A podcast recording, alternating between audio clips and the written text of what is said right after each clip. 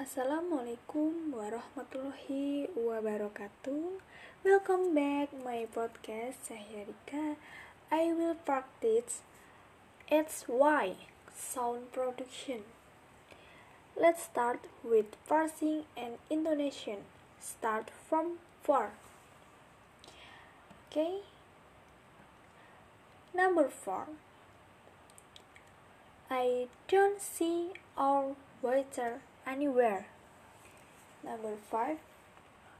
What is the name of the man with the white whiskers? Number 6. What were Mr. and Miss White doing meanwhile? Number 7. Why did not you call Hughes when you felt ill? Number 8. Which is the 75 watt bulb?